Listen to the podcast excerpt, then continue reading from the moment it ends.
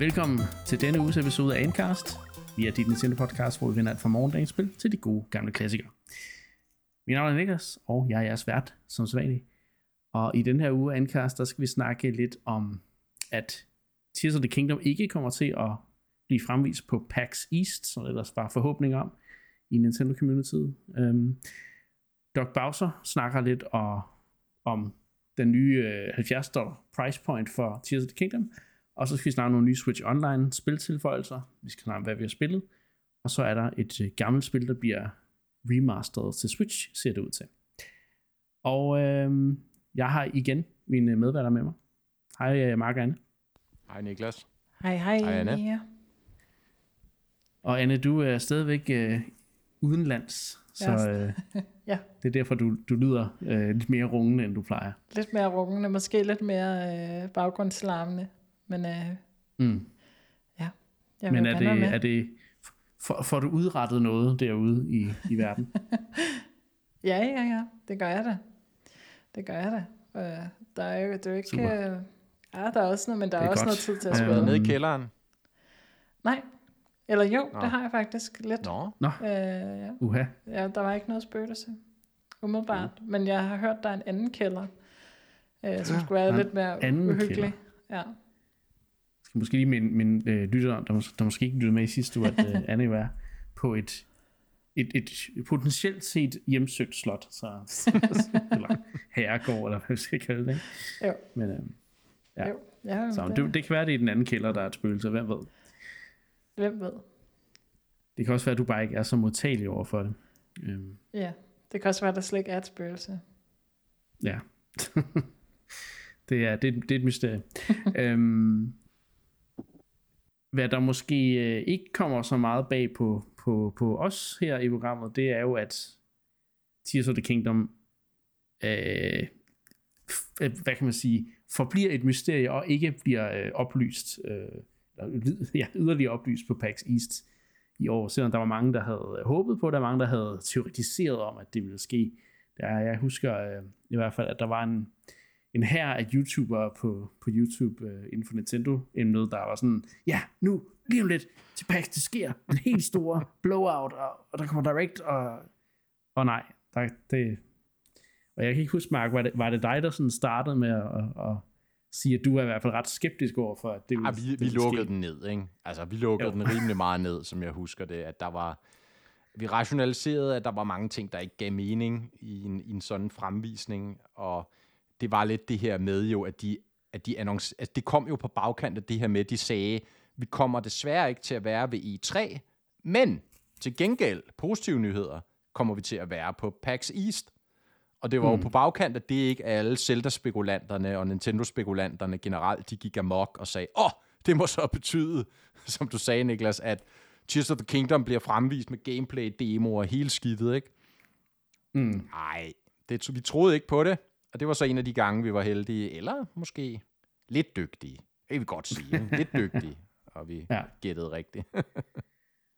Ja. Øhm, og, og Nintendo har så udtalt altså selv, at de kommer til der med, med, med, med den her øhm, lille besked. Ja, det er, en, det er en engelsk, et engelsk citat, jeg lige kommer til at læse op her. Nintendo's presence at the show will be dedicated to competitive play activities.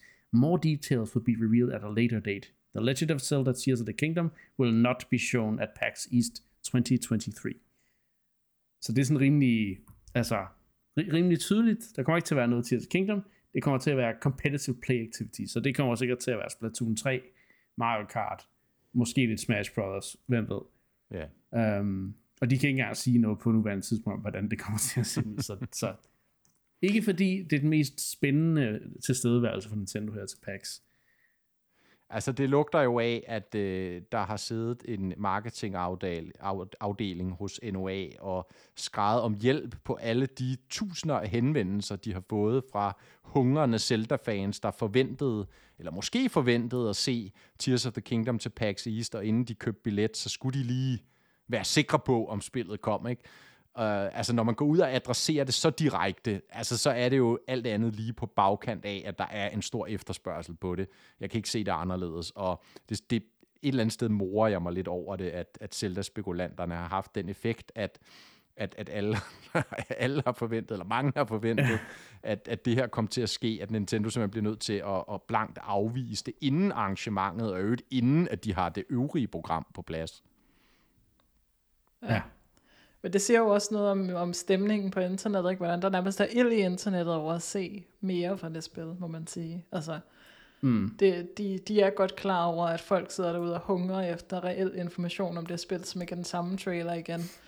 Uh, Ja. og, det, og det gør vi jo også selv. Altså, vi sidder, jeg sad forleden dag og kiggede på, om hvornår kommer den her Zelda Direct, vi regner med, at der kommer, og så sad jeg og kiggede på alle Directs, og hvor mange uh, spilspecifikke Directs har der været, og hvornår er de kommet i forhold til udgivelsesdatoen, for at sidde og sådan, uh, se, om der var tegn i sol og måne på, at uh, nu kom der snart den Zelda Direct, men uh, ja, vi vil gerne vide noget om det, det spil. det. Det er det, der er det. Altså, det, det, det er det, der gør, jeg tror jeg også, altså selvfølgelig er der en ting, at YouTuberne gerne vil, vil have, at folk klikker på deres videoer, og derfor springer de på, ind, på, på alt, hvad de kan, og det bliver sådan en lille smule clickbaity med titler og ting. Og Så jeg så blandt andet en video i går, øh, der var sådan, huge Tears of the Kingdom øh, infodump incoming øh, soon, og det var sådan lige et par dage efter den der PAX-nyhed, ikke? Og så tænker åh oh, nej, hvad nu? Og så så jeg den, så det er åbenbart et eller andet med, der er et eller andet japansk blad, der hedder Nintendo Dream eller sådan noget, der kommer til at have en stor feature om Tears of the Kingdom i næste uge. Og altså, man kan jo ikke vide, hvor meget de må snakke om. så, så altså, det kan jo godt være, det er bare ting, vi allerede ved noget om, ikke? Altså, men stadigvæk, altså folk, folk de, jeg tror, der er lidt det med, de- skal også øh, kultivere nogle kliks øh, på deres videoer. Selvfølgelig skal Men- Men... det. Den anden side af det er, som Anne siger, jeg tror, der er, altså, vi, øh, Zelda-fan, øh, fandom er ved at koge over af, altså, vi, vi vil bare have mere, vi vil vide mere om det her spil. Øh, og det er også, altså, det er både positivt og negativt. Nogle er jo negative og tænker, vi ved ikke nok, jeg, skal jeg, hvorfor skal jeg købe det her spil? Er det overhovedet noget for mig? Øh, kommer det til at, at have de der ting, som, som nogle af de mere kritiske øh, folk øh, over for Breath of the Wild, altså kommer det til at have dungeons, som vi kender dem, kommer det til at have ja, nogle mere klassiske Zelda-elementer. Det er der ikke rigtig kommet svar på, og så er der nogle andre, der jo bare gerne vil have mere information, fordi, altså sådan nogle som mig, som, fordi, altså, jeg, jeg ved ikke helt, hvad jeg skal forvente, selvom vi er to måneder væk, ikke? Så jeg forstår godt, at, at folk er ved at koge lidt over af, af forventningsglæde og, og måske også bekymring. Ja. Um, når de har haft den her meget sparsomme PR-kampagne videre, og altså de fleste andre spil på nuværende tidspunkt vil nærmest få et, en ny trailer per uge, ikke? altså Metroid Dread fik så mange trailers. Uh, Fire Emblem fik også rigtig mange, ikke? Uh, Jo. så Ja. Ja, og det er sgu, Mysteriet fortsætter. det er jeg tror, virkelig det skal vente mysterie. cirka en måned nu, og så, så kommer der en direct. Jeg tror, det er, plejer. Altså nu, okay, nu, nu undersøgte du det, Anne. Fandt du ud af, Ja. er, er der et mønster? Det, det plejer at være cirka en måned før, ja. Det, det, Ja. Men det er, jo, det er jo noget lidt nyere, øh, så vidt jeg også kan se, at, øh, at de begyndte at lave de her spil-specifikke directs på den her måde. Ikke? Det har ligesom været et mønster siden. Ja, Ja, Animal Crossing måske? ja Animal Crossing, det er, ja, også Animal Crossing, ja. Ja, siden der vil jeg sige, så siden corona, ikke, har, har det her mønster ligesom øh, været rimelig øh, sådan stabilt, vil jeg sige. Så Splatoon Ja. og Xenoblade 3 og øh, Anim- Animal Crossing DLC'en også fik jo også en direct. Fik Fire Emblem egentlig ikke også? Jo, Et det eller mener andet. jeg. Jo, Det mener jeg. Engage. Og der var også en Monster Hunter. Øh, og det var ja. også det samme. Ja, Så ja. så, så det må vi næsten forvente. Også fordi, at når de har været så gået så stille med dørene. Altså, der må være et til push for at, at, at bringe det her spil ud til masserne. Ikke? Mm. Og jeg er jo sådan, jeg er jo lidt begyndt at være sådan lidt mere fortaler. Altså ikke, at jeg, jeg synes, der er meget kritiseret den her kampagne for, men, men jeg er begyndt at blive lidt mere fortaler for, at, at den godt kan være hemmelighedsfuld. Der er så nogle ting, som jeg ikke forstår, de ikke viser frem. Øh, men, men der er måske nogle ting ved det her spil, ikke? Altså lige meget hvad vil det aldrig kunne blive den samme friske oplevelse som Breath of the Wild, ikke? Så, så meget af forventningens glæde er jo netop at komme tilbage og se, hvad der er sket i Hyrule, hvad der er sket i den her by, og hvad der er sket det her sted, og hvad har ændret sig, og så videre. Øhm, og det tror jeg ikke nødvendigvis ville være lige så spændende, hvis du havde set det hele i 100 forskellige trailers, vel? Øh, Nej. især ikke fordi, at, at spillet kommer til at føles meget familiært, og områderne kommer til at føles meget familiære. Øhm, så derfor forstår jeg godt, Og jeg, jeg, den der øh, elskede trailer, vi, vi, vi blev med at referere tilbage til fra, fra Breath of the Wild, ikke? den der story trailer, fyldt med cutscenes. Selvom vi elsker den, så synes jeg også, at den var problematisk på nogle måder, fordi den måske malede et billede af et spil, som de fleste ikke fik, øh, fordi den jo netop viste nærmest alle cutscenesene på en måde, som om, at det var noget, der skete i løbet af spillet, og ikke på den måde, som vi endte med at få det i de her sådan, memory-sekvenser. Øhm, mm. Det sagt, så forstår jeg stadigvæk ikke det materiale, de har ligesom lagt ud i de trailers, de har lavet. Øhm, Nej, der er ligesom en rød tråd, ikke? Der er noget, noget udvikling i trailersne, ikke? Og, og der er nogle ja. ting, nogle helt basale ting, som jeg bare ikke forstår, de ikke viser frem. For eksempel, altså du havde jo gang i, i spekulant, øh, med spekulanthatten på og snakke om, kan man craft sin egen pile den her gang? Øhm, og, og jeg forstår mm. bare, altså hvorfor er det hemmeligt at vise det? Det kunne man da godt vise. Link, der sidder med og crafter ved et bål, eller hvordan det fun- kommer til at fungere. Ikke? Men, men der er bare så mange ting, som sådan virker. Altså, det er jo ikke at afsløre hemmeligheder som sådan. Det er jo bare at vise Nej. kerne-features, der er udviklet sig fra, fra det første spil. Hvorfor, hvorfor viser man ikke det? Um. Det er som om, de laver alt deres materiale til Zelda-spekulanterne. Og sådan er sådan, ja. nu skal vi lave noget, der sådan er lidt mystisk og skaber en masse tanker om, åh, hvad kan det være? Og så gætter man fuldstændig forkert, uh, indtil, indtil man rent faktisk ser det i gameplay. Altså, ja, jeg ved ikke. Ja, ja, og det, ja, ja. det har slået ja. lidt fejl, øh, vil jeg sige, øh, spekulantkampagnen, fordi jeg synes bare ikke, at der har været nok udvikling i, mm. i, i de trailers. Nej. Men ja, vi bliver så heller ikke klogere på PAX East. Nej, uh, og det, altså, det havde vi jo så lidt forventet, kan man sige. Uh, og, og igen, jeg synes også, timingen var mærkelig uh, på en eller anden måde.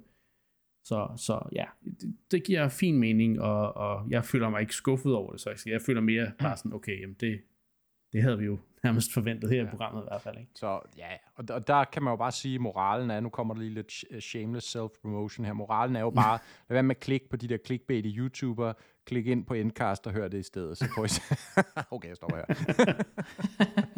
ja, ja. ja. Men altså, hype nu Det var sådan lidt YouTube-agtigt, faktisk. top for mig. er det det? er Tror du, jeg har en karriere i mig som, øh, som spekulant, Niklas? Det kunne, ja. ja.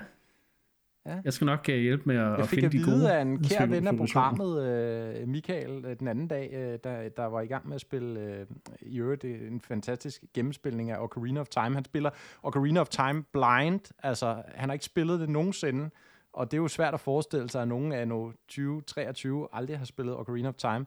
Ja, det er men, fantastisk men at det, det spiller han og streamer, så det er sjovt at følge med Men han sagde jo så, at, uh, at uh, jeg var kendt for at have nogle specielle takes og så hang den også bare i luften, og så skulle han prøve at back op, hvad han mente med det, og det kunne han ikke rigtigt. Og så tænkte jeg, fint, den godtager vi. Det, jeg vil gerne stå ved, at jeg har nogle specielle takes. Så, og det er det, måske det, er jeg også sikker på, øh, det, det, der skal at, til. vores lyttere kan sige ja til.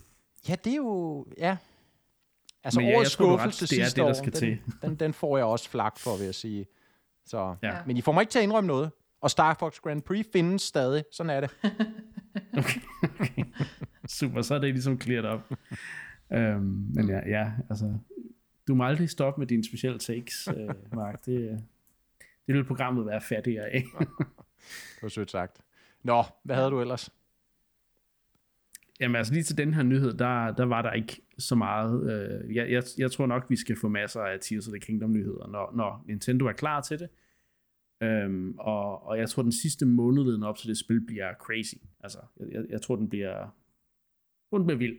Um, også fordi de, de jo på en eller anden måde skal ind på nogle ting fra det her league og sådan nogle ting også. Ikke? Øh, så, så jeg tror, jeg tror, den bliver, så det bliver mere juicy, når vi nærmer os og får den direct. Så tror jeg faktisk, de åbner sluserne på en eller anden måde. Ikke? Så kan det være, at vi får et tweet med et eller andet nyt hver uge, who knows. det lyder ikke engang særlig vildt, når jeg siger det på den måde. Øh, det lyder ikke som, som åbne sluser, men det er jo nok det, vi kan forvente fra Tears of the Kingdom. Ikke? Så så det næste emne, jeg har med til, det er faktisk også relateret til Tears of the Kingdom, men ikke så meget omkring spillet. Det er faktisk den her pris, øh, som det jo især øh, er blevet, altså, det er den her pris, som der bliver omtalt som the 70 dollar price point. Øhm, og vi, vi betaler jo ikke i, i dollars for, for spil her i Danmark, men generelt har der jo været en, en lille stigning på, øh, hvad spil koster. Øh, sådan her i seneste især fra Sony side af, og nu har Nintendo så også med Tears Kingdom meldt ud, at det kommer til at, at ligge på 70 dollars, som jeg vil så tro, at det, det bliver den 100 kroner dyrere for os, eller sådan noget. Ja, vi kender vel ikke den danske pris, gør vi det? Kan man pre-order det? Det er faktisk, øh, det har jeg ikke fået undersøgt, men ellers er der måske nogle lyttere, der kan korrigere os. Men, ja. men jeg tror, du, jeg vil antage, at du har ret i, at det sikkert også bliver hævet. Prisen herhjemme bliver hævet måske med 100 kroner. Virker meget realistisk, ikke? Så det sikkert kommer til at stå til 5,99 i stedet for 4,99, som mange af de, af de nye spil gør. Og, øh, og det er jo, som du siger, også en trend, man har set fra blandt andre Sony. De har så bare gjort det på alle deres spil nærmest jo ikke. Øh, alle deres first party spil i hvert fald, de egenproducerede. Og, øh, og det er jo det er jo noget, der skaber virak. Det er jo altid fæsen, når tingene ja. bliver dyrere, ikke? og det er altid surt for forbrugeren. Øh, hvis, man skal motiv- altså, hvis man skal moderere den diskussion omkring det, kan man jo sige, at altså, jeg kan huske tilbage i 90'erne, da et Nintendo 64-spil spil kostede 7,99. Ikke? Altså, så man kan sige, og, og hvis du tager i betragtning inflation, tager højde for det og så videre, at ting bare generelt set bliver dyrere over tid, og oveni at vi også for nuværende og det seneste år har haft en høj inflation, ikke mindst i Danmark, er det jo egentlig utroligt og positivt for forbrugerne, at priserne ikke på spil ikke er steget.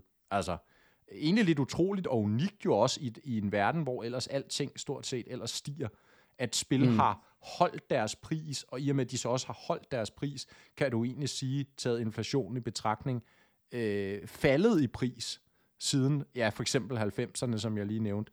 Og det er, jo, altså, det er jo ret unikt, for det er jo ikke, fordi spil er blevet billigere at producere, eller de ikke er blevet større, ja, og man får endnu mere for pengene i og for sig, vel? Altså, øh, så, så, så det... Ja, jeg, jeg synes, der er nuancer i den diskussion, men, men mm. jeg synes selvfølgelig også, det er ærgerligt. Altså, som forbruger er det jo altid ærgerligt, når man skal lange flere penge over disken for sit spil, og, og det, det værste, gør, at man måske ikke kan, kan vi, købe dem alle sammen. Ja. Jeg synes, det værste ved, at det Nintendo gør, det er jo, at vi ved, at deres spil falder meget sjældent i pris. Ikke? Ja. Så det, det her spil kommer til at ligge der, ja, fra nu, eller fra det udkommer til, og så får du måske et par sales, øh, du ved, her og der, ikke? Men, men generelt set, ja, så bliver det en dyr omgang, øh, hvis man skal ud og have fat i det nyeste øh, Zelda, som jeg tror de fleste, de siger bare, jamen okay, det koster mere, men jeg skal stadig have det, ikke? Men, men Doc Bowser har så, øh, fra Nintendo America, har så været ude og interview, og ligesom prøve at forsvare den pris. Um, nu kommer der endnu en engelsk, øh, et engelsk citat her. Um, Doc Bowser han fortæller i interview. We look at what the game has to offer. I think fans will find this an incredibly full, deeply immersive experience. The price point reflects the type of experience that fans can expect when it comes to playing this particular game. This isn't a price point that we'll necessarily have on all our titles. It's actually a fairly common pricing model either here or in Europe, or in other parts of the world, where the pricing may vary depending on the game itself. Og det er jo et meget, meget, meget uh, business-orienteret svar. CEO-svar. Uh, ja, må man sige. Uh, og, og, og altså, han lægger selvfølgelig vægt på, at, at Tears of the Kingdom er et full deeply, en full deeply immersive experience. Uh, og ja, altså det plejer spil jo egentlig at være. Så, ja. Det var en masse buzzwords, ikke? Ja. Ja. Altså han hentyder øhm, selvfølgelig til, at det er et sådan stort, voluminøst spil med, ja. med mange timers gameplay. Ved, ved at antage det, det der ligesom refereres mm, til her. Ja, ja, det er det. Og, men, men det er jo så, han siger, at, at det er normalt, at spilpriser varierer og sådan ting. Og jo, vi har jo set sådan noget som Metroid Remastered, der ligger til en god, altså en, en del bedre pris end nogle af deres andre spil, ikke? Men jeg synes stadigvæk, at det er det er unormalt at se et Nintendo-spil komme så højt op der. Det, det må være første gang, uh, vi ser det, ikke? Uh, i, i moderne tider, hvis vi ikke vi tænker tilbage på 90'erne, hvor spil var, var rigtig dyre. Um, og så synes jeg også, det med, med bemærkelsesværdigt, at han ligesom også nævner det med, det er jo ikke fordi, at alle spil kommer til at koste det i fremtiden, men man kan så sige, nu åbner de jo op til, at det er en mulighed, at de største spil kan, kan lægge til 70 dollars i stedet for Det er der 60. jo ingen tvivl om, de gerne vil gøre til den nye normal, hvis de også mm. kan se netop på nogle af konkurrenterne, at det, øhm, at det fungerer. Så, men, men jeg tror, det er rigtigt, altså, når han siger det her med, at det vil de ikke gøre på alle spil, og, og lige så meget, at man kan sidde her og være sådan et øh, over, at, at de så hæver prisen på Zelda, så kan man jo også rose det spil, du netop nævnte, ikke Niklas? Jeg tror også, vi gjorde det, da ja. det udkom, men Metroid Prime Remastered udgav de jo til en, altså jeg vil sige, ret favorabel pris ikke, til 300 ja. kroner. Øh, og, og, og hvor man kunne sige, det stod lidt i kontrast til en anden remaster, jeg spillede ugen efter, Kirby's Return to Dreamland, som koster 499. Altså, hvor at, at jeg et eller andet sted synes, man får, man får mere for pengene i, i Metroid Prime. Ikke? Men, men, men altså, det er jo også det der med pris, ikke? det er en svær diskussion, fordi det er også bare meget subjektivt, og, og, og, ja. og, og, og hvis man skal kvantificere på en eller anden måde, hvad er noget værd? Altså, det er ultimativt en subjektiv ting. Ikke? Og, og, og det er jo også, man kan sige, det, det, altså dem der, dem, der altid, hvad skal vi kalde det, klynker over, at Nintendo-spil aldrig falder i pris, ja, det er da skide irriterende, men det gør de jo ikke, fordi at vi, os forbrugere, har en, et syn på Nintendo-spil, som at de er prisen værd. Altså, vi køber ja. dem til den pris. Hvis ikke vi gjorde, så skulle vi nok se, at priserne faldt, og de kom på tilbud, ligesom de gør hos alle, eller mange af de andre spilproducenter. Men fordi Nintendo-spil er så velansete, og det er jo et resultat af mange ting, at de er velproduceret, har få fejl, altså sådan nogle ting, ikke? Så, så har man bare over mange år opbygget ligesom, at her der får du noget for pengene, det er værd at give fuld pris for. Vi gør det glædeligt jo, åbenlyst, og derfor falder spillene ikke i pris, altså, ikke? Så, sådan er det jo ikke, øh, og ja, det, det, det, det synes jeg, man skal have med i den der diskussion, og det betyder overhovedet ikke, at jeg ikke sidder og siger, at jeg håber, at priserne bliver så lave som muligt, øh, fordi at så kan jeg mhm. også, får jeg også råd til flere spil selv jo, ikke? Men, men, det, men, ja. men, men diskussionen er fascinerende, og den er sådan mange spektret, synes jeg. Mm. Øh, ja. Og det er ikke bare det der med, at bæ, bæ, nu hæver de prisen på et eller andet. Ja, men altså... Mm. Hvad siger du, Anne? Ja.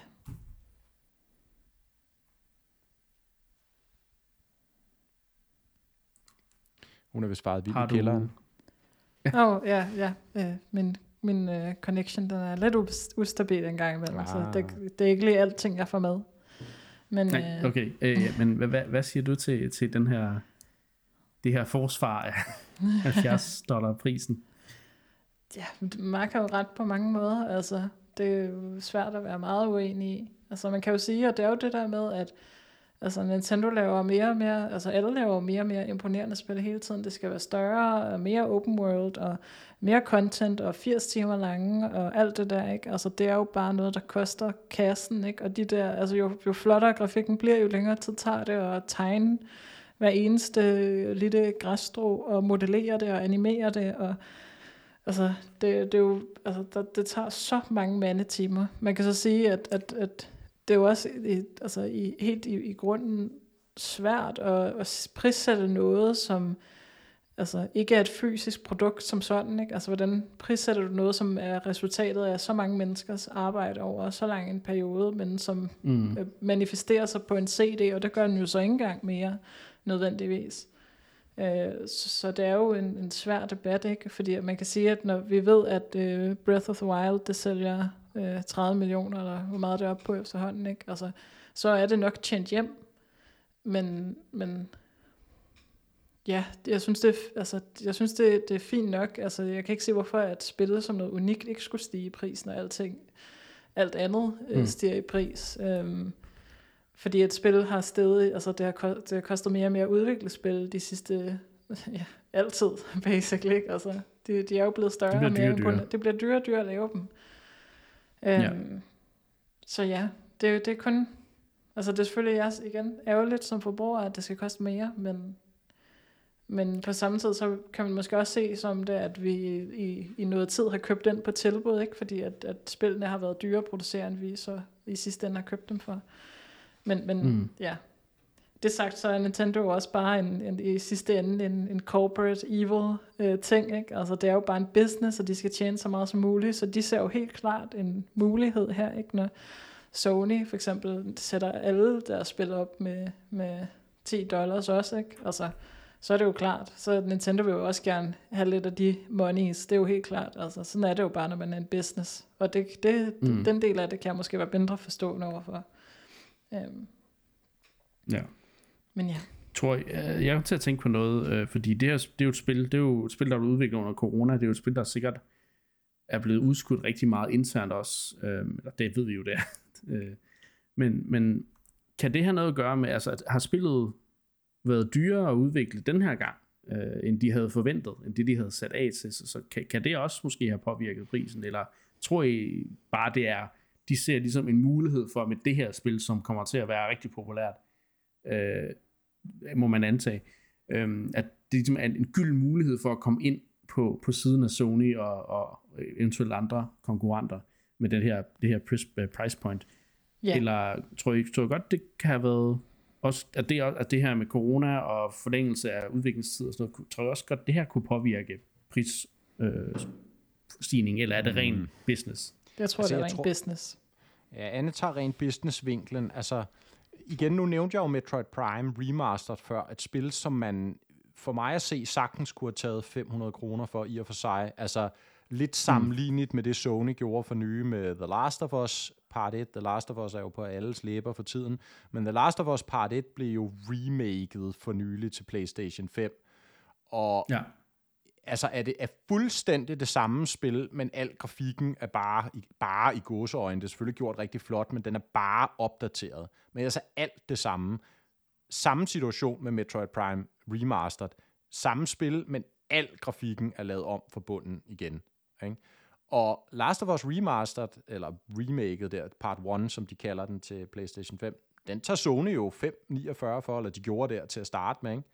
Og ja. Nintendo tager 300 for, for Metroid Prime, så, så, så der er jo alligevel, altså hvis, hvis du skal snakke om sådan ren grådighed, ikke, så, så kan man sige, så, så er der et eller andet, der har gjort, at Nintendo vurderede, at det her spil skulle, skulle gå til en billigere penge. Ikke? Og så har vi jo så et eksempel nu på et Zelda-spil, der så skal gå til lidt flere penge. Og nu kommer ind i svaret mm. på, på dit spørgsmål, Niklas, at jeg tror, jeg vil holde en lille dør på klem for, at det ikke bare er, som Anne siger, at det er bare business, og de ser en mulighed for permanent at øge prisen på de her heavy hitter, de helt tunge, store spil, der er mange år om at blive produceret. Men hvis det netop er lidt ansporet af, som du siger, Niklas, med corona, med den forlængede udvikling, der jo har gjort, at spillet er blevet dyrere af den ene eller den anden eller den tredje grund, kan godt ligesom være ansporingen til, at så tænker man, okay, så lige på den her titel kommer vi til at sætte prisen op med 10 dollars, så vi stadig rammer vores profitmargen, eller hvad det hedder, på det her spil, og så næste gang, hvis vi har et mere smooth forløb, så går vi tilbage til en, en standard fuld pris. Men det er klart, mm. de kan jo ikke sige det. Altså, de kan jo ikke sige det.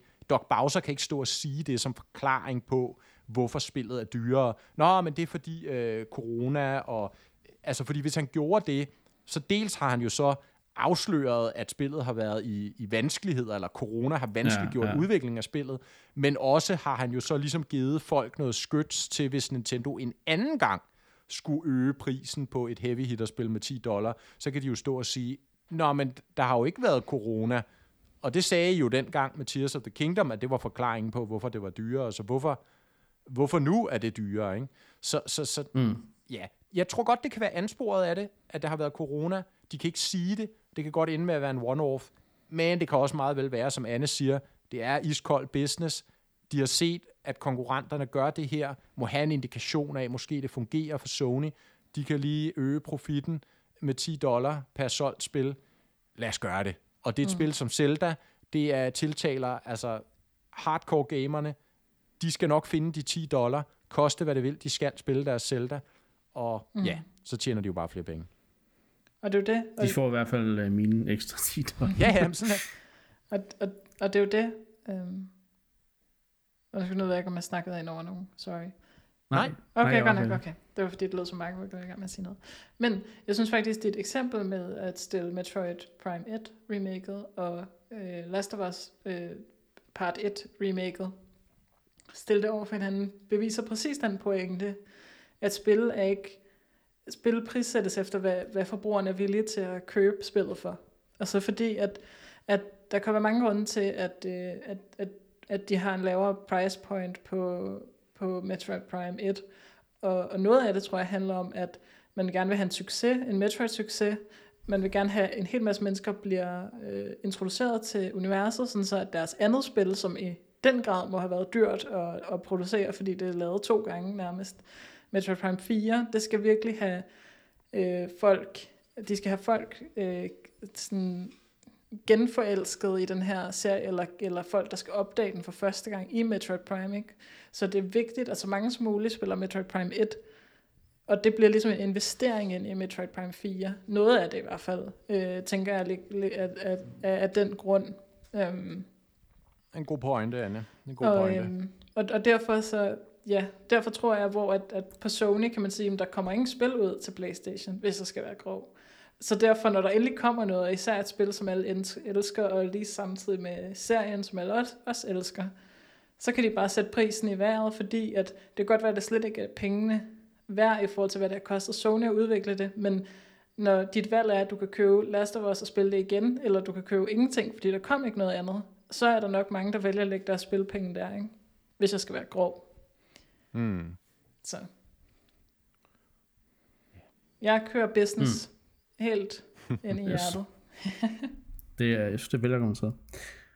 Øhm, men ja, jeg, jeg tror i hvert fald, uh, en ting er sikkert, det er, at vi kommer ikke til at se, det er ikke sidste gang, vi kommer til at se et øh, 70 dollar price point på et Nintendo-spil.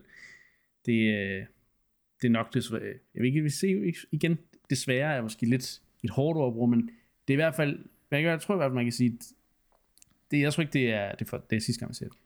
Nej, men det bliver så spændende mm. at se, om det bliver på et Mario-spil for eksempel, ikke? fordi det er ligesom ja. en, en, anden, en anden målgruppe. Ikke?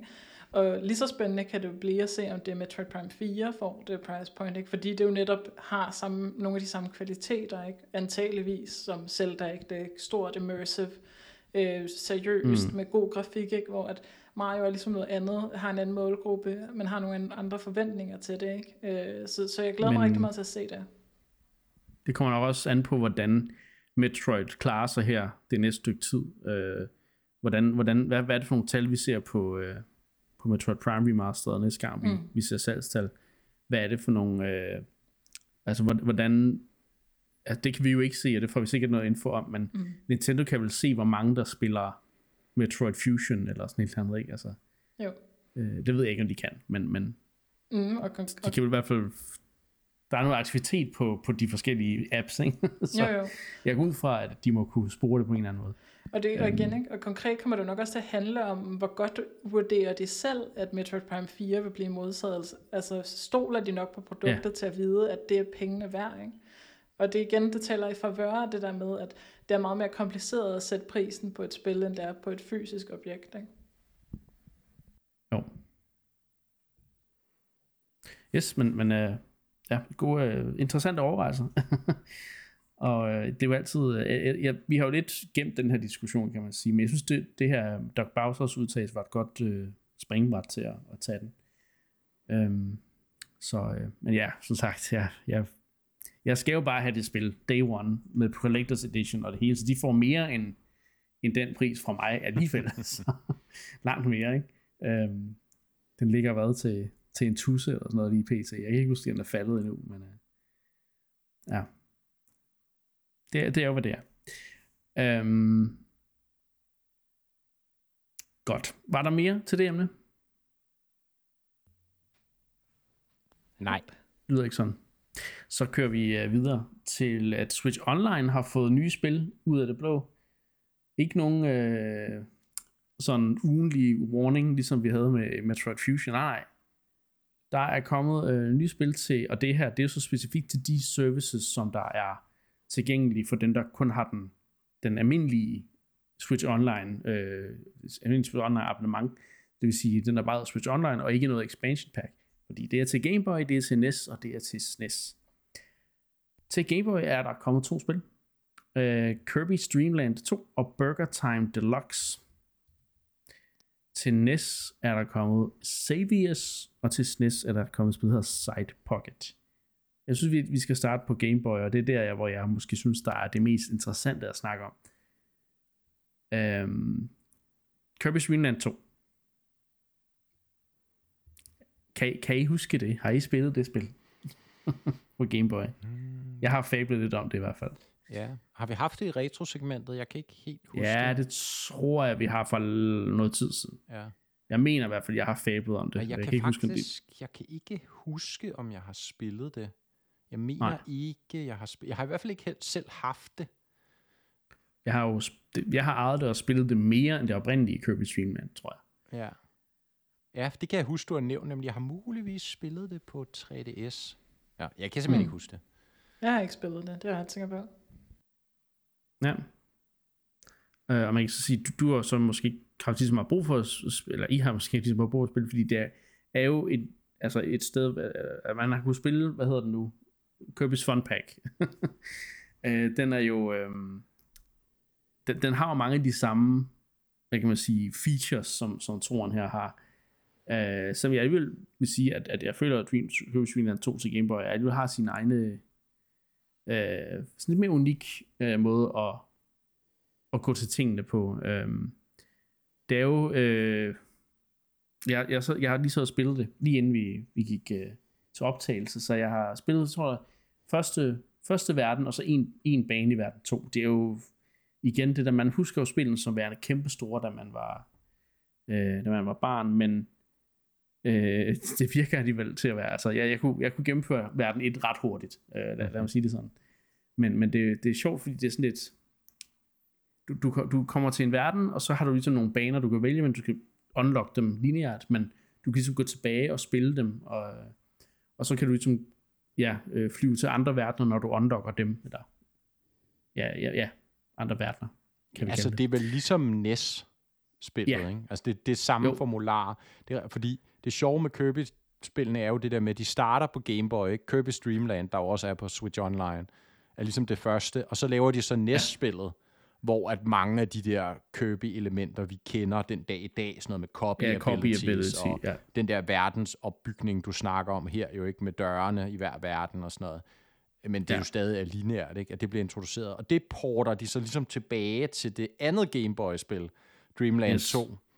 Øh, Og det andet, de, de har med i den her version, det er jo de der tre dyr, som jeg ellers mener er i det tredje spil på, Ja. på NES. Det er den der hamster, ule og, og fisk, øh, som man kan få som buddies. Ja. Og det var den helt store, altså den helt store selling, ikke, måske ikke selling men den helt store feature-opgradering for mig i det. Altså selvfølgelig var det også første gang, jeg prøvede copy abilities, men så også for de dyr oveni, det var jo Ja.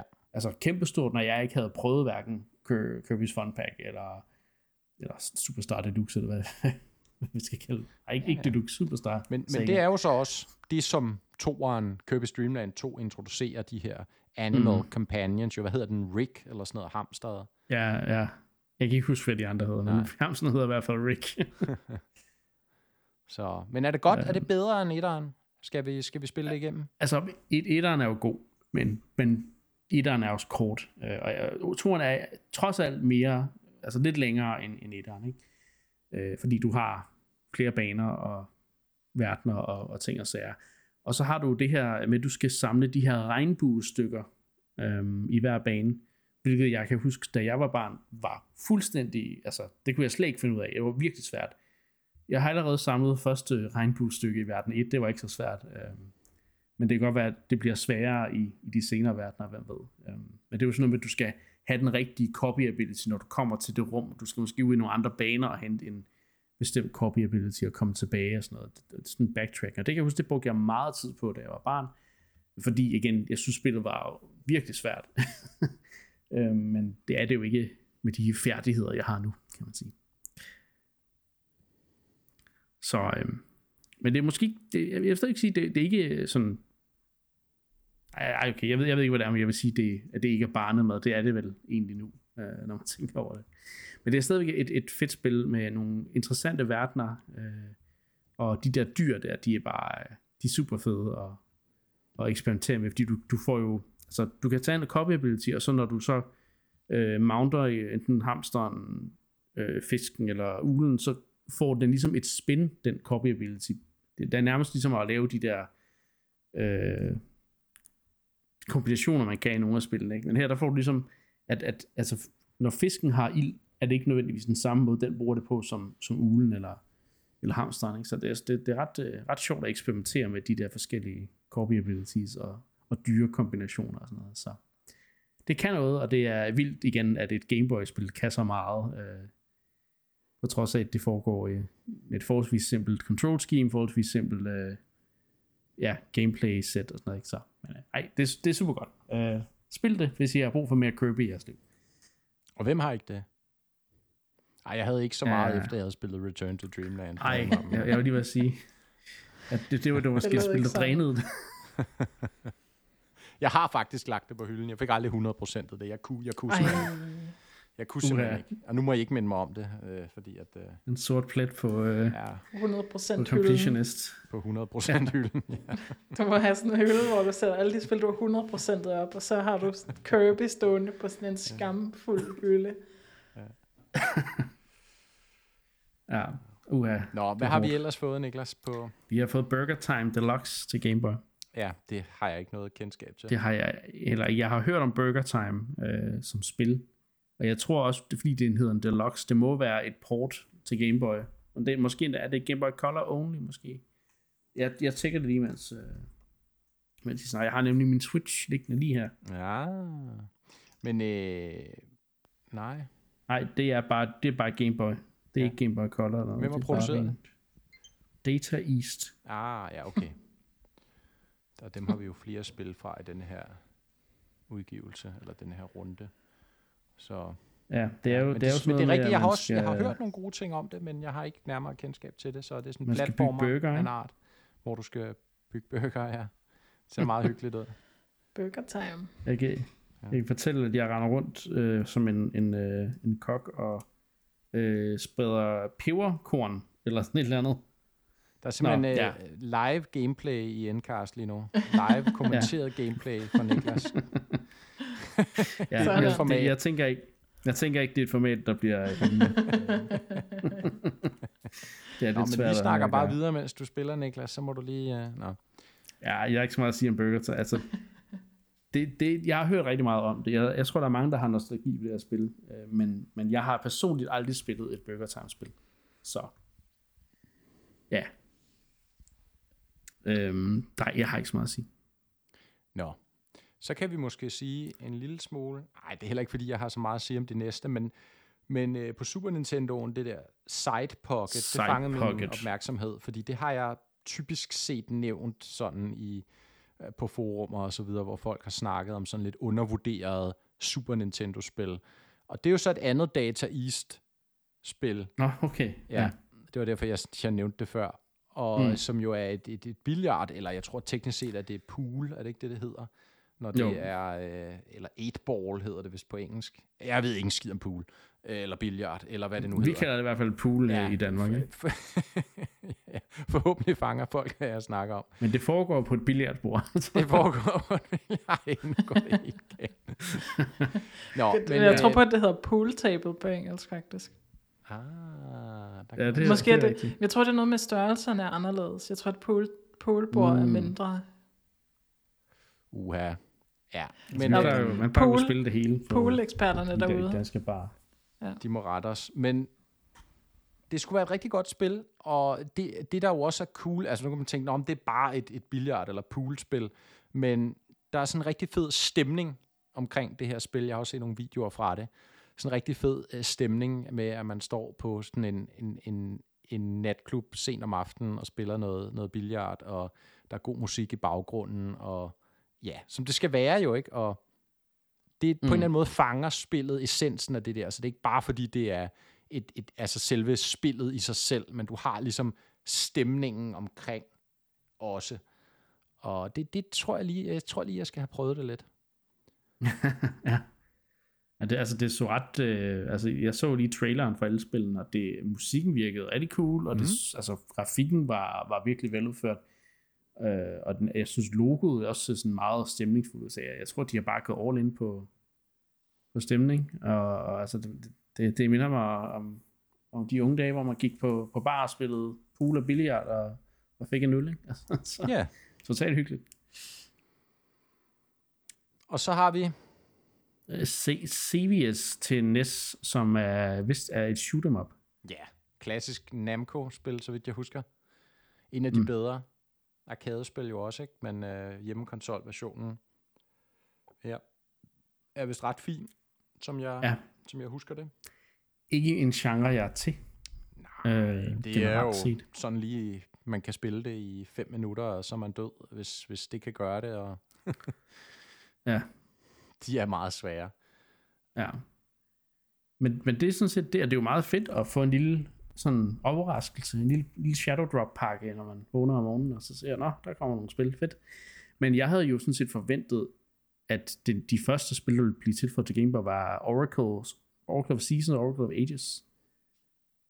Fordi det var, det, det var dem, de viste, synes jeg. Det er, these games are coming. Jeg kan faktisk ikke huske, om, om, om Kirby og Burger Time var på den liste. Det var de ikke umiddelbart. Nej, så. det mener jeg ikke.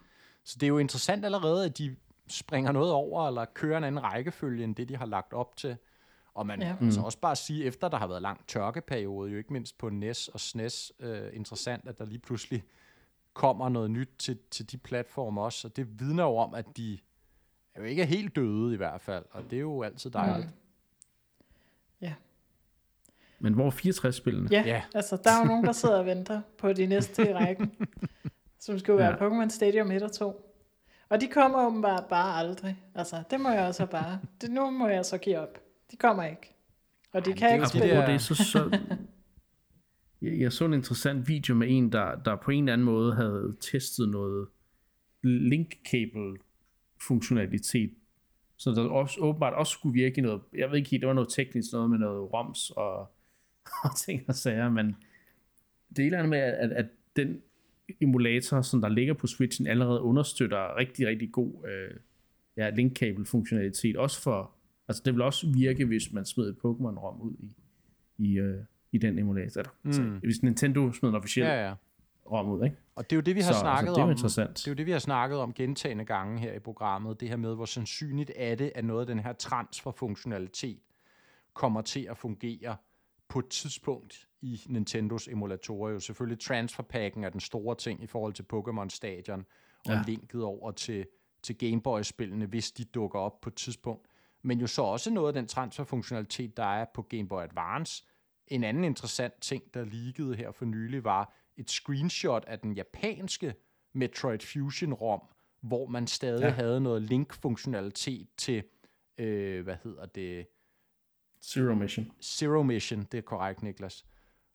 Og altså, det er jo meget, altså, ja, og som du siger, når folk så finder ud af, at hvis de tager andre ROMs, end dem Nintendo har frigivet, og ligesom smækker ned i Nintendo Switch Online emulator, så virker det, ikke? Altså, så er der jo en meget, meget god grund til at antage, at på et eller andet tidspunkt aktiverer de den her funktionalitet i Ja. øh, nogle af de officielt udgivende spil.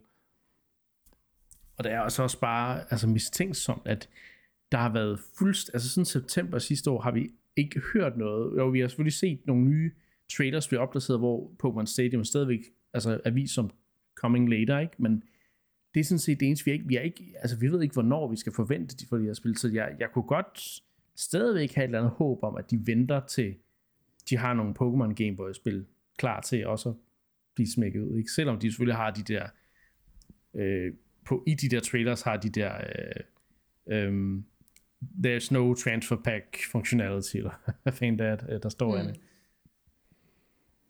Ja, ja, men det er jo, Så det jeg er har også, et håb, men, men ja. det er, og det er jo også det, ikke? Altså, det er jo det eneste, vi må klynge os til håbet om, at vi ved jo, at hvis de ikke skrev det, så vil folk jo for det første spørge Nintendo hele tiden, virker det der transfer pack, og hvis øh, det ligesom indikeres, at det virker, så indikerer det jo også, at der kommer øh, nogle meget specifikke spil ud på en service, så det virker. Ikke? Så derfor bliver det jo nødt til, mm. så længe andet ikke er annonceret, at benægte, at den her funktionalitet virker. Øhm, og så kan man jo sige, at der er nogle ting med timing om, hvornår kunne man måske eventuelt øh, ligesom øh, annoncere, at Pokémon-spillene kommer. Øh, og mm. der tror jeg stadig, det kan have noget med 3DS-shoppen at gøre, faktisk. Altså, det, det und, vil ikke undre Ja. mig, at, øh, at man har set, at øh, det kan godt være, at øh, Pokémon Krystal og Gul og Blå, og det der ikke altså, sælger flere millioner kopier ekstra, men det, men det kan være, at de lige skal cash det sidste ind, fordi de kan se en øget aktivitet her, nu når alle ligesom genudgiver de her lister med, hvilke nogle spil skal man have og sådan noget fra, fra 3DS-shoppen. Ja. Ja. Så der er en lille håb om, at de bare fuldstændig har profitmaksimeret øh, 3DS-shoppen, inden at øh, den er lukket helt, og så kommer det. Den store overraskelse. Men det Han godt er være, rent business i dag. Det må man sige. Det må man ja, sige. jeg, jeg er blevet helt businessmenneske, må man sige. Ja. Vi har ikke, nogen, vi har ikke haft nogen øh, JRPG hot takes endnu. Men det er kan måske der. nå at komme. I dag er det ja, business. det, øh, det, det tror jeg godt, det kan nå, men øh, vi må se. Nå ja. Nå, Ja. Men ja, der, der er ikke så meget at sige til det der ud- udover spil Kirby Dream Land 2. Øh, igen, det, man behøver ikke engang have expansion pack, så prøv det, se om det er noget for jer. Øh, jeg synes, det er rigtig hyggeligt. Især når man rider rundt på en hamster. Eller flyver rundt på en ugle. Det er rimelig sjovt. Øhm, jeg tror faktisk, fisken øh, tit er min, min favorit øh, i det spil, fordi den har nogle sjove, øh, sjove takes på de der Corby abilities. der er sådan noget med, at du, når, du, når du har elektricitet sammen med fisken, så, så kommer der sådan en, en lyspære ud af dens mund, som den kan skyde afsted. Det er sådan ret... Øh, det er ret syret. Øh, ja, så, nå, Det lyder det, kan jo, det kan jo prøve at, at teste. Ja, det er virkelig et Kirby-spil. Nå, nu skal vi videre. Vi skal snakke om, hvad vi har spillet øh, siden sidst. Og øh, Mark, jeg lovede jo, at vi skulle snakke mere Metroid Prime øh, sidste gang. Så, og du har spillet lidt videre i spillet. Jeg har ikke selv fået spillet, men jeg, jeg synes selv, jeg fik en rigtig god sådan, fornemmelse for det, da jeg spillede det i sidste uge. Så Ja, og jeg har også en eller anden idé om, jeg, jeg vil ikke spille det for meget igennem, fordi jeg har en idé om, jeg vil streame det på et tidspunkt, og sådan ah. få en lidt mere frisk øh, take på det, når jeg så endelig gør det. Ja. Så det, det er min undskyldning for ikke at have, det er i orden. have spillet videre, fordi jeg vil jo gerne, altså det er et, jeg synes, det er et rigtig godt spil. Ja, ja, ja. Men hvad, er du, er du, er du, jeg? altså, Ja, og nu starter jeg lige med at korrigere dig. Du sagde Metroid Prime, men du mente selvfølgelig Metroid Åh. Fusion. Sagde jeg, ja, det er fordi, jeg har Metroid Prime på, på hjernen Ja, ja, hvem har ikke jeg, det? Altså, hvem har ikke det? Jeg Anna har skal 100, stadig have spillet 100 det. procent af det for, Ja, ja, ja. for nylig. Men Metroid Fusion var Metroid jeg jo, som Fusion, jeg også nævnte i seneste episode, nysgerrig på, fordi jeg har ikke spillet Metroid Fusion i altså 20 år, siden det udkom tilbage på Game Boy Advance der i start nullerne. Og Ah, okay. det er jo et spil, man, man har, altså, det ligesom bliver ved med at blive omtalt af sådan hardcore Metroid-fanbasen, som måske det, det bedste Metroid-spil, det bedste 2D Metroid-spil, og altså virkelig fænomenalt og outstanding mm. og så videre. Og jamen, det skulle være spændende at se, altså, kunne det ligesom holde til, til den lovprisen, som jeg har hørt så meget på gennem årene. Og der Ja. vil jeg sige, umiddelbart ja. Altså, jeg har spillet 3-4 timer ind i spillet, og det der, det, der slår mig, der er flere ting, der slår mig. Det, der slår mig klart som noget positivt, er, at spillets gameplay er meget, meget, meget tight. Og med det mener jeg, at styringen af Samus er virkelig god. Mm.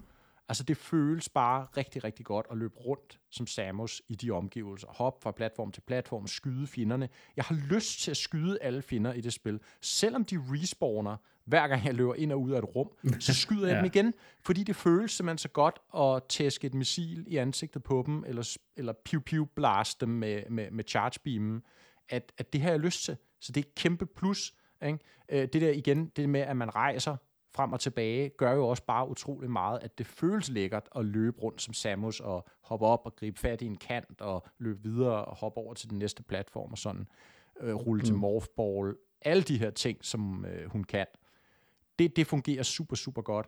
Øh, god variation i bosskampe, god pacing mellem tingene. Det spiller bare. Så er der nogle ting, som lidt kom bag på mig, som jeg faktisk ikke huskede omkring det her spil. Og det ene er, hvor lineært spillet egentlig er.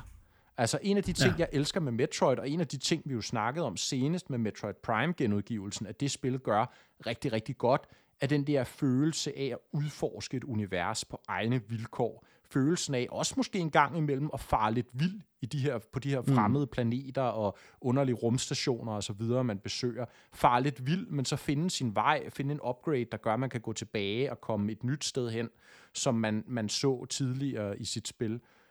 Og der må man sige, ja. Ja. Fusion, der bliver man virkelig altså ledt ved næsen hele tiden. Og det er hele tiden ind og snakke med ens øh, kunstig intelligens companion, ham her Adam, som er opkaldt efter hendes gamle trænings, øh, hvad hedder det, eller chef, eller hvad han er, øh, herrechef, jeg ved ikke, eller andet, overordnet, ikke? Og mm. det, det, altså, og det er jo ikke nødvendigvis dårligt, altså hvis man kan lide den type oplevelse, men jeg kan mærke, at den, den scratcher ligesom ikke min, min, min itch efter det der udforskning, egenrådig udforskning. Altså der, der, der savner jeg Prime-modellen, øh, og måske også nogle af de lidt ældre Metroid. Jeg mener, de ældre Metroid-spil er heller ikke helt så strømlignede, som Fusion er. Så det er interessant at gøre sig mm. den observation, at Fusion egentlig starter den her trend, som, hvis I husker, da vi snakkede om Metroid Dread, Ja. øh, for forrige år, ikke? At, at det også var egentlig et relativt lineært spil, hvor backtrackingen i høj grad var elimineret. Selvfølgelig kan man stadig backtracke, og man kan gå tilbage og finde nogle missile expansions og sådan noget, men det er jo ikke rigtigt det, eller det er ikke kun det, jeg taler om, når jeg taler om det der med den nysgerrige udforskning. Vel?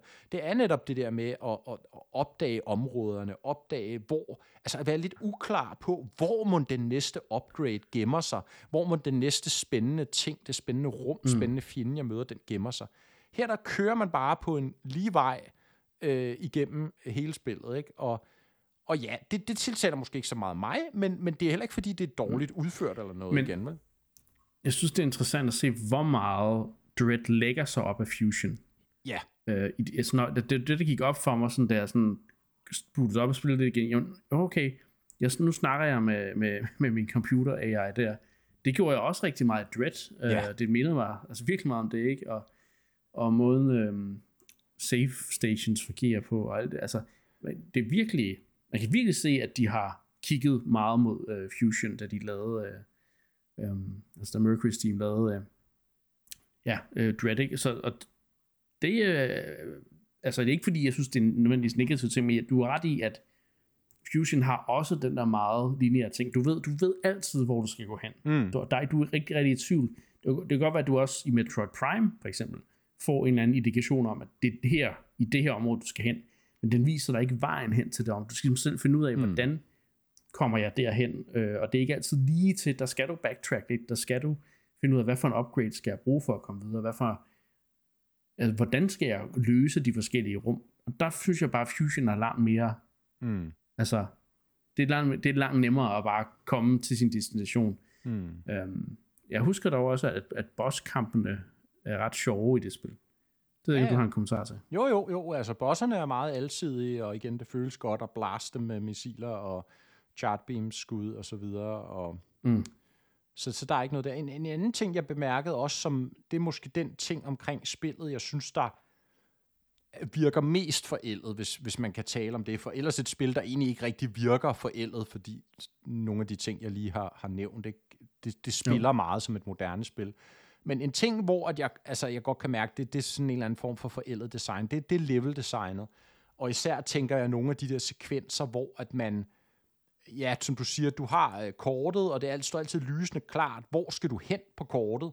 Øh, men så kan du måske ikke bare løbe den direkte vej derhen, fordi der er en eller anden blokeret dør eller et eller andet, og så skal du så finde en eller anden skærm i nærheden, hvor måske hvis du hopper op i hjørnet og ruller som morphball ind igennem en usynlig væg og lægger en bombe, så du kommer ned igennem gulvet og ind i et hemmeligt rum under der, hvor du var, så kan du så finde vejen hen til der, hvor du skal hen. Og det bliver sådan lidt trial and error, hvor man egentlig bare tager de der rum og sådan lidt i blinde famler efter en eller anden hemmelig gang, der bare er der for whatever reason, ja. for at komme hen til sit mål.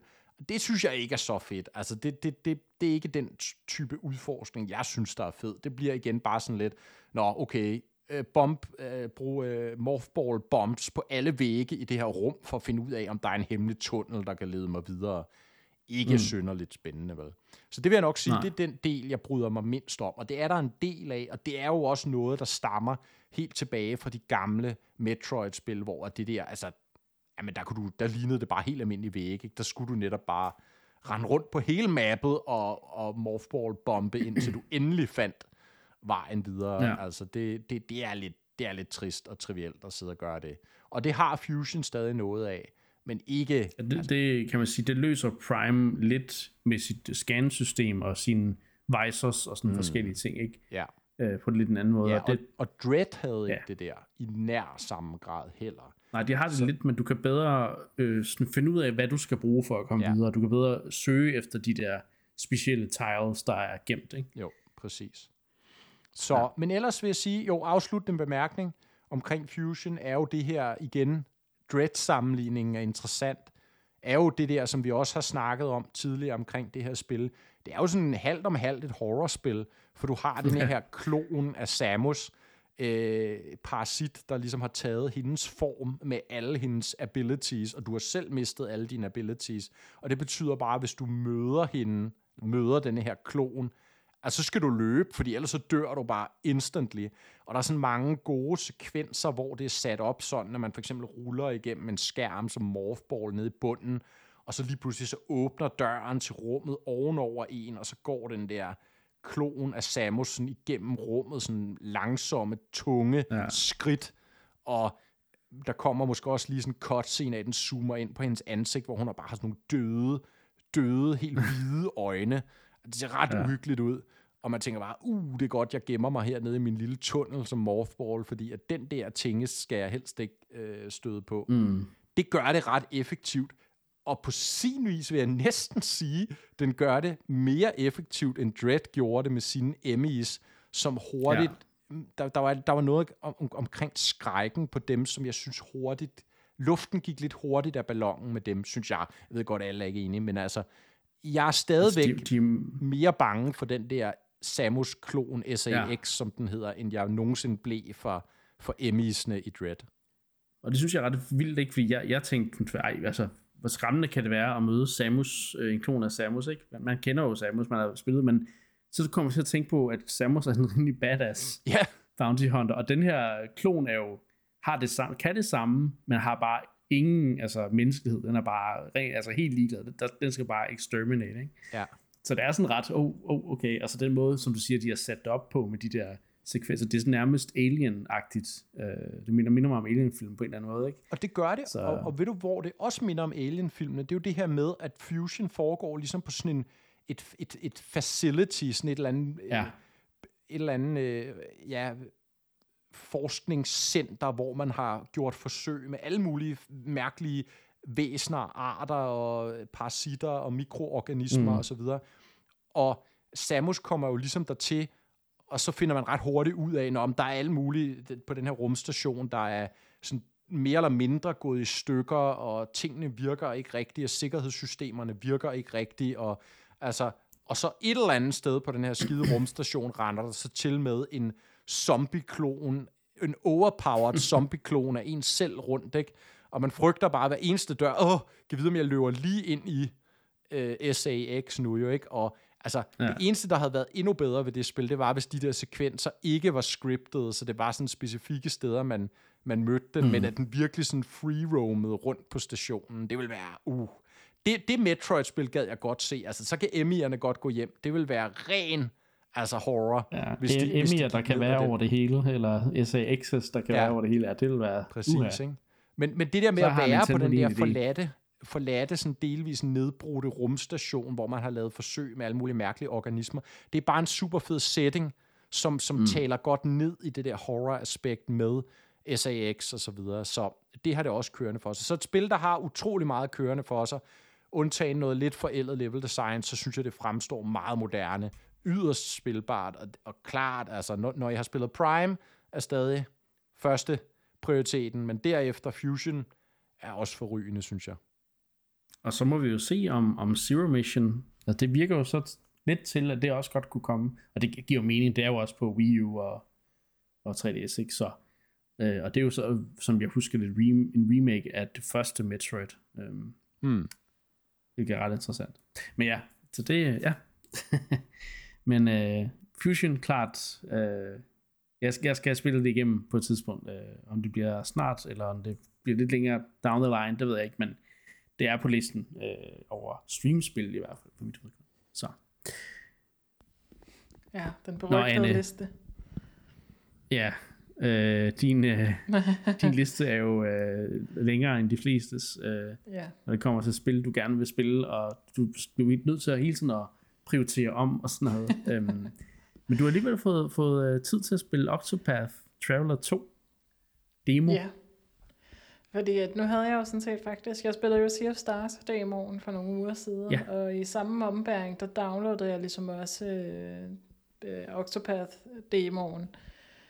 Og så øh, ja, tænkte jeg en dag, det, det kunne da godt være nu, jeg lige fik øh, kørt den igennem, og øh, jeg ved, jeg tror faktisk ikke engang, jeg er blevet færdig med den, men øhm, ja, jeg var sådan, altså det er jo, altså, det var Octopath meget som jeg kender det, ikke? Altså jeg var rundt og kigge på alle mm. karaktererne, man kunne vælge, men det var fedt, at man kunne vælge dem alle sammen til at starte med, og der er virkelig nogle interessante Men det, altså, der er nu virkelig nogle interessante sådan, udgangspunkter i de forskellige karakterer, øh, synes jeg. Ikke? Der er jo især ham der, øh, som sidder i fængsel for at have slået sin, sin kone ihjel, ikke? Øh, som virker virkelig stærk. Øh, øh, men, men det var ikke den, jeg selv gik med. Jeg endte med at gå med øh, sådan en, øh, hende der er rogue, nej, thief hedder det.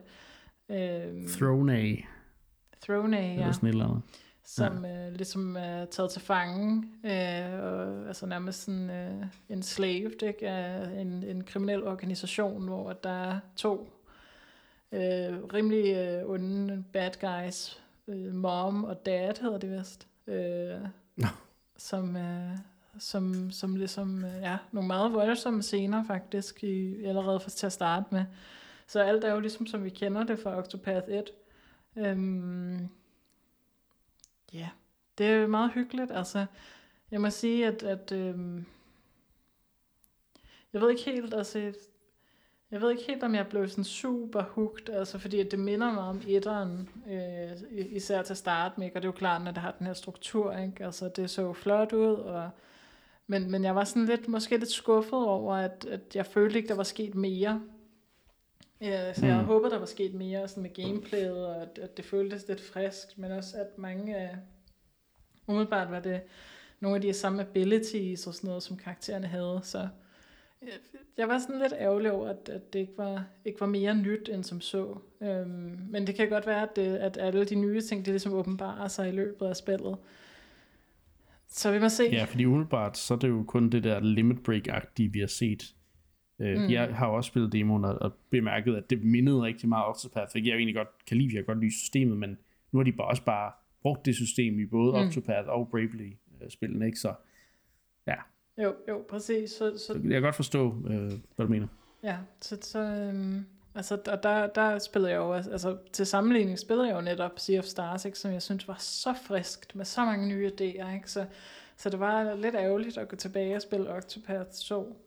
Øh, det føltes lidt som et skridt i den, lidt, ej, det er også lidt voldsomt. Altså, jeg er sikker på, at det, det er et kanon godt spil, og, og jeg synes, det er nogle, noget, altså nogle mere interessante setups, de karakterer har. Øh, og jeg elsker de verdener. Altså det virker som om, det er sådan lidt en anden tidsperiode, de sigter efter den her gang. Der er sådan lidt øh, mere moderne, ja. lidt mindre middelalder, øh, hvilket jeg rigtig godt kan lide. Mm. Øhm, så øh, det, det er på listen. Men det er det også på min, men jeg har faktisk ikke fået det købt endnu. ja, Uh, det er jo lige det med, hvornår det passer.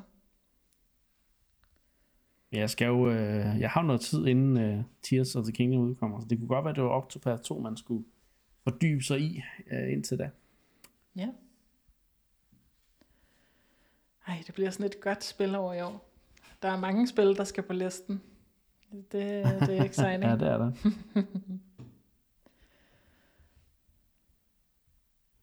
Men okay, jamen, øh, ja, interessant. Altså, jeg, jeg, jeg havde jo lidt frygtet, så i gåseren frygtet, at, at du ville øh, have, have det lidt på den måde med Octopath 2's combat især, ikke fordi at, at du havde spillet Sea of Stars, som har et helt andet feel. Øh, Ja. Men, men øh, jeg, jeg, ved ikke, jeg synes jo stadigvæk, at, at Octopath-systemet føles moderne. Øh, Mm, mm. Jamen, det gør det jo også. Altså, jeg havde bare håbet, at der var sket lidt mere fra etteren til toeren, Mm. ikke? Altså, at det, det føltes sådan lige lidt for familiært. Altså, der, der var mange ting, der ligesom kom tilbage til mig fra etteren, selvom det er mange år siden, jeg har spillet det. Ikke? Sådan, ah, så fungerer skill-systemet på den her måde, og sådan. Du ved ikke, der, ja. Der synes jeg, jeg savner en lille smule remix, eller i hvert fald, nu ved vi jo ikke, om det kommer senere hen, men, men øh, at det, det ligesom åbenbarer sig hurtigt, at, at der er sket nogle, nogle, altså, nogle nye ting med, med kampsystemet, for eksempel. Det synes jeg er lidt ærgerligt. Mm, okay. Ja. Vi må se, om vi, øh, vi, vi får lejlighed til at snakke mere om spillet øh, Ja. senere på året. Um. Men ja, det kommer jo an på, på listerne. og hvad vi lige får givet os til. Um. kommer også nogle spil i næste måned, jo. Der kommer blandt andet Advance Wars rebootet og sådan, eller remasteret og sådan nogle ting, ikke? Så ja. Men I har, I har ikke spillet øh, andet, I gerne vil snakke om, øh, vel? Som der ikke er på mine noter. Nej, altså, Til gengæld så har jeg siddet og lyttet øhm, en hel masse Breath of the Wild soundtrack igennem. Og jeg kan jo til stadighed være så forundret over folk, de synes, at, mus- at der ikke var nok musik. Og jeg forstår godt, hvor det stammer fra, det her med, at, at Hyrule Field jo ikke har den her bombastiske, øh, melodiske øh, ja, melodi, der, der, der kører ikke hele tiden. Men det er mere mm. det der klaverklemperi, eller hvad nogen vil kalde det. Men altså, når man sidder og hører sådan, ja, de top 50 bedste sange, eller bare altså noget stille og rolig musik, altså det er bare så godt, og der er bare så mange Ja. bangers i det soundtrack, det er helt høj vildt. kvalitet. Altså, bare hver eneste cutscene, øhm, øh, hver eneste af de der memories har sin egen musik, og det er bare den måde, det sådan, altså, den måde, det sådan, øh, ligesom drager inspiration fra sådan tidligere Zelda-spil, øh, andre temaer, som, altså fra Breath of the Wild og sådan noget. Det er bare, når man sidder og hører det sådan i sammenhæng, altså det kan virkelig anbefales, hvis man sidder derude og tænker, det var da ikke så godt et, øh, et, et soundtrack, så prøv at gå ind på YouTube og hør nogle af de der sådan compilations med relaxing music eller top 50 øh, sange fra, fra spillet, fordi det er bare, der er bare noget af det, der er så godt, og jeg bliver bare bragt tilbage i spillet af at sidde og høre det, altså det er helt vildt. Um, og, og det er jo ikke bare stille klaverklemperi det hele overhovedet, altså der er så mange gode, og også meget mere end bare Hyrule Castle, som mange ligesom øh, fremhæver som noget af det bedre, ikke? men altså bare byerne og, og memoriesne, og altså det hele, det hele er bare så fucking godt. Så det er en lille reklame øh, et, et, for at, at hvis man har lyst til at komme i stemning, og det var lidt det, derfor jeg gjorde det, jeg skal i stemning til Tears of the Kingdom, når, når Nintendo Ja. ikke har lyst til at bringe mig i den stemning. Det er oplagt, når vi, når vi har for efterfølgeren på horisonten. Øh. Ja. Og ja, jeg skal jo også igennem hele spillet faktisk øh, snart. Så jeg, jeg, tager, jeg tager en, ikke en 100% gennemførelse, men jeg kører igennem rigtig meget af, af spillet snart. Øh, som, som optakt til, øh, til spillet. Men jeg vil også også sige, det kan jo være, at der er nogen, der får deres øh, ønske opfyldt med bombastisk musik, når man er i, i uh, ude og udforske. Hvis man, altså hvem ved, det kan være, når du er på gyrocopteren, at soundtracket ændrer sig til sådan en total øh, ja, oh, ja. Skyward Sword øh, Sky-tema. Mm. Et eller andet har der nu. Ej, jeg håber virkelig, at det, jeg håber virkelig, det kører videre i den stil, fordi den bare var så gennemført. Altså. Mm. Mm. Og det er jo lidt det, det, der bliver spændende generelt ved det spil, ikke? Altså, er det, er det mere bare sådan lidt all over the place, ikke? Eller kører de det der virkelig tight design, som bare går, gennemgår hele spillet, ikke? Altså, Mm. Det er spændende at se. ja, sidetrack, men øh, ja, jeg bliver bare så ked af det, hver gang der er nogen, der siger, at det er et dårligt soundtrack, for det er så godt. Jamen enig, jeg, jeg, bliver, jeg, vil ikke, jeg bliver sur nogle gange. Men altså, Men det er også jeg, det, jeg bliver sådan lidt, ej, ej, det må du ikke sige. Ej, ej. Men jeg tror, det var det, fordi jeg sad og hørte den der playlist i går, og jeg bare, jeg blev bare mere og mere sur over, at folk de kan sige det dårligt, fordi det, det var så godt. Ja. Ej, det var, ja, ja, jeg skal nok stoppe nu. Men øh, lille reklame. Ja. Det er en, en anden måde at komme. Hvis man ikke har tid til at spille Breath of the Wild igennem igen, eller ikke har lyst, fordi man, er, man ikke vil over øh, stimuleres øh, med, med for meget gameplay, inden man så også skal bruge 200 timer på Tears of the Kingdom, øh, så, så kan man jo på den måde nemmere sådan komme i stemning og, og hype sig selv lidt op til, nu kommer der snart et nyt stort eventyr, og forhåbentlig får det et lige så fantastisk soundtrack, som, som uh, undskyld, Breath of the Wilds uh, er. Så. Ja. Mark, øh, du får ordet her den sidste segment, vi har med i dag, fordi der var et spil, du lige nåede at, at fremhæve, der, der, der, der var noget øh, for her. Det, det er et spil, der hedder Gothic, og det er det første spil i den der Gothic-serie, som jeg har hørt om, men aldrig selv spillet. Og det er noget med, at der er nogen, der teaser af det her i, i forbindelse med noget jubilæum, så kommer der en Switch-version. Ja, altså, øh, det er jo en af de gamle klassikere, som jeg kan huske, og måske ikke så mange andre kan huske. Altså, gammel er det heller ikke. Altså, Gothic er fra startnullerne også, Ja, ikke? og var ligesom ja. et, øh, et, et, et PC-eksklusivt spil af den sådan, kan man sige, gamle western RPG-skole jo, ikke? Øh, som, Mm, som var mm. meget stor dengang. Og altså, et, et, et, et rigtig godt western RPG, som de ikke rigtig bliver lavet mere, har jeg lyst til at sige. Altså, øh, Gothic var produceret, blev produceret i af et tysk firma for det første, hvilket også gør det lidt unikt. Ikke? Så det er jo ikke ligesom, kan man sige, de store eposer, vi får fra USA med, øh, med Skyrim fra Bethesda, eller Dragon Age fra BioWare osv. Vel? Øh, det, er, det er et europæisk produceret, tysk produceret fantasy-spil, og det kan man alligevel mærke på en, en del punkter. Altså det, jeg synes, der er utrolig interessant ved Gothic, og det som mange elsker spillet for, ja. er, at det ikke er sådan en traditionel heltefortælling, som det mange gange er i de der fantasy-spil. Altså, spillet handler meget kort fortalt om, at menneskene er ved at tabe en krig mod orkerne. Og den eneste måde, de kan vinde på, det er ved at producere nogle magiske våben, der ligesom kan slå orkerne ihjel. Fordi orkerne er jo stærkere per definition end menneskene. Ikke? Så de finder på at bygge, de skal mine det her mineral, som de bruger til at lave det, det, de magiske våben. Og det kan kun gå for langsomt. Ikke? Så de tager ja. og opretter sådan en, en straffefangekoloni omkring sådan et stenbrud, hvor der er meget af det her mineral. Og der smider de så en masse øh, straffede personer hen. Og man spiller sig selv en af de her straffede personer, der lander i denne her koloni og der er lagt sådan en kæmpe magisk øh, skjold omkring hele kolonien, der ligesom holder folk fra at kunne flygte. Ikke? Men så okay. sker der så det inde i den her koloni, at som der jo sker med, med menneskesamfund, at så bliver der dannet sådan nogle klikker og sådan nogle underkolonier inde i kolonien, og, og spillet handler så om, at man er ham her, der ankommer til fangekolonien, som en nobody. Altså, du er ingen. Du, du er en straffefange. Øh, du er ikke engang specielt god til at kæmpe eller noget. Du starter selvfølgelig lavt level. Og så skal du ligesom, og det, det er et benhårdt miljø jo ikke, hvor at, at folk øh, stjæler fra hinanden, hvis ikke at de slår hinanden ihjel for at få de, de få rigdomme, tilkæmpe sig de få rigdomme, der er at få i sådan en straffefangekoloni. Ikke? Men samtidig så har de også, altså myndighederne har lidt mistet kontrollen med det, ikke? så der, der, der opstår de her klikker, der begynder at arbejde for nogle andre tjenester, sådan noget med, at der er nogen, der forsøger, en, en gruppe, der forsøger at slippe fri af fangekolonien ved at tage det der mineral, og så bryde ud af den magiske barriere, og der er så nogen, der sådan er meget tro mod myndighederne, ligesom siger, at vi skal bare aflevere alt mineralet til dem, og så må vi tage den øh, ringe, men trods, trods alt lille belønning, vi får med på bordet og så videre.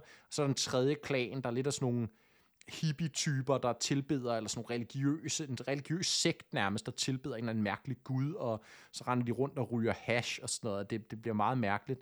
Men altså, det er jo et rollespil, hvor at du virkelig er fri til at skabe din egen vej. Ikke? Du starter som sagt som den her nobody, og du skal selv finde ud af, vil du arbejde for den ene, eller den anden, eller den tredje, ligesom øh, fraktion af de her mennesker, der alle sammen er fanget i den her fangekoloni, og og, altså, og, og man starter jo bare med at lave sådan nogle virkelig skodopgaver, ikke? Altså virkelig bare sådan noget stik i rand, dreng arbejde, og man får ingen betaling, og man bliver, altså, bliver tæsket, altså man skal betale øh, altså for at ligesom have, have beskyttelse, ikke? altså sådan protection money, for at man ikke bliver slået ned, når man skal, ligger og sover i sin, øh, i, på, på sin sølle madras inde i et eller andet sådan halvfaldefærdigt skur, man har fundet i den der by. Ikke? Altså, pointen er, at, at hele, altså det er sådan i skærende kontrast til igen, hvordan det ligesom mange gange er fremstillet i andre populære fantasy-spil. Der er Gothic mm. virkelig unikt på det her. Og det er meget fascinerende at spille, fordi questen er anderledes. De ting, du skal gøre for at levele op, er anderledes. Og altså, historieforløbet er anderledes. Det ender selvfølgelig med at blive lidt episk alligevel, men det har bare det der sociale aspekt på en helt anden måde. Øhm, som, som gør, det, gør det værd at spille. Og, og ja, den dag i dag vil det helt sikkert fremstå for mange som gammeldags, janky, mærkeligt. Men det er sådan et af de der spil, jeg elsker, fordi det har sjæl. Altså, det, det er virkelig sin egen ting. Og der findes ikke rigtig noget andet derude, ud over Gothic 2, og i mindre grad Gothic 3, de efterfølgende spil, som altså kan det samme, især omkring den der verdensopbygning, jeg snakker om, og med de sociale lag og typen af indhold og så videre. Ja. Så det er et meget fascinerende spil, og jeg er egentlig ret begejstret for, at det ser ud som om, eller der kommer en, en Switch-version, de lagde et tweet op, hvor man kunne se et screenshot for, for gode gamle Gothic, og så med Switch-ikoner, knapper og så videre på interfacet. Ikke?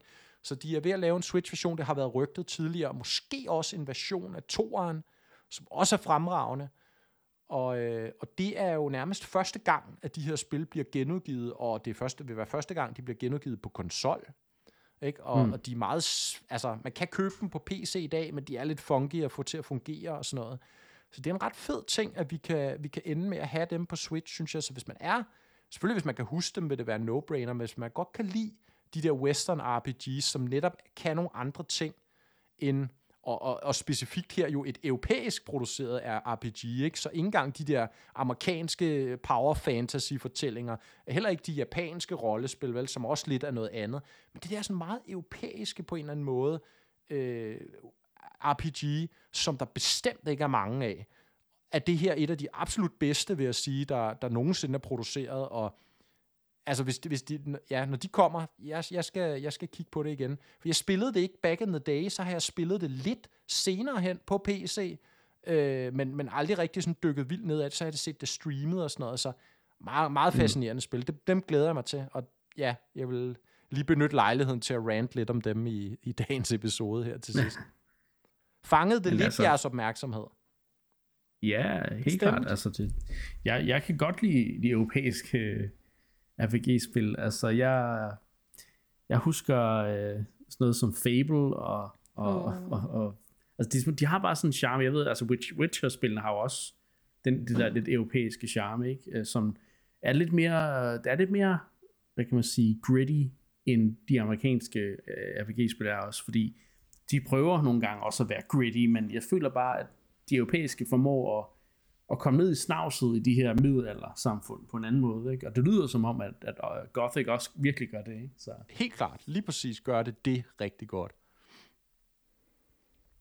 Så jo, lidt. Jeg ved ikke, om jeg, ved ikke, om jeg nu vil vi se, hvornår det udkommer, og hvad det koster, og sådan noget. Ikke? Men det bliver spændende. Jeg er sikker på, at, vi, at du kommer til at snakke om det igen, når, når det udkommer. Så. Ja. Du kan jo sige, om det er et godt port. Eller? Hvad siger du, Anne? Du var jo stor på Skyrim jo, så du har også spillet mange af de der Ja, ja jeg, er jo, jeg er jo Western RPG-person. Witcher altså, Fable. jo også. Ja, Witcher 3, Fable er jo en af mine all-time favorite spil. Altså øh, hele serien i virkeligheden. Um, så jeg er da klart øh, lidt... Jeg er lidt bange for, at det, om det, der er for meget jank og for lidt... Øh, øh, ja, øh, om det er sjovt at spille, eller om det bliver for janky, I guess. øhm, ja, så øh, jeg skal lige tjekke det ud, tror jeg, altså holde øje, holde øjnene åbne. Altså, øhm, ja. ja, det bliver spændende at følge, følge med i. Ja, jeg kunne godt være lidt øh, fristet. Og så er der jo en liste, det skal prioriteres ind på os. Så. Ja, men, men når det er gammelt, så er det jo ikke sikkert, det er så langt. Nej, det, Ej, altså, det, det, jeg tror Gothic 1 er, er måske sådan... Ja, altså hvis du bare løser main storyen, er det måske virkelig kun 20 timer langt. Hvis du prøver at løse så meget som muligt, bliver det måske 40, 40, 50 timer max, vil jeg tro. Toren oh, er lidt okay. større. Mm. Øh, ja. Toren er faktisk meget større. Toren er meget imponerende tor, altså i forhold til, hvor meget ekstra det gør. Så det er også virkelig altså, interessant, hvis, hvis det ender med at udkomme. Men, men ja, det hele starter selvfølgelig med etteren. Ja. Og, øh, ja, hold øje med dem. Mm. Det vil jeg ja. anbefale. Må vi se, om det bliver nogle gode den, port, som vi øh, siger. Fordi der er masser af jank, og styringen er mærkelig. Ja. Og, men altså, hvis de kan opdatere det til en, en nogenlunde moderne standard, så er der virkelig et, et godt RPG der, med masser af sjæl, som sagt. Ikke? Altså, hmm. det, det er jo det, jeg godt kan lide. Ja, Tak for den anbefaling. Ja, men øh, det vil blive en uh, kortere episode i dag, og det gør jo ikke så meget uh, en gang imellem lige at, og bare køre nogle emner igennem og, og se, hvad folk har at sige til dem. Øh, og hvad for nogle emner har vi så haft? Vi har snakket om, at Nintendo ikke bringer Tears of the Kingdom til PAX East, så vi får altså ikke noget kæmpe media blowout for Tears of the Kingdom øh, her i, i, i, i slutningen af marts. Øhm, Doc Bowser forsvarer 70 dollar prisen til, øhm, hvad hedder det, Tears of the Kingdom med en meget corporate øh, udtalelse, og den har vi selvfølgelig haft øh, nogle, nogle meninger om. Så har vi snakket om, at de nye spil, der bliver tilføjet til Switch Online på Game Boy øh, og NES og SNES. Vi snakkede lidt om Metroid Fusion og Octopath Traveler 2 demoen, og så har Mark fået lov til at, at, at gushe lidt om Gothic, øh, det første Gothic-spil, der øh, ser ud til at få et remaster på Switch, så det bliver interessant at høre mere om når det udkommer. Det var, hvad vi havde på programmet for i dag. Nu vil jeg gerne sige en tak, fordi I lyttede med, og så lyttes vi ved næste gang.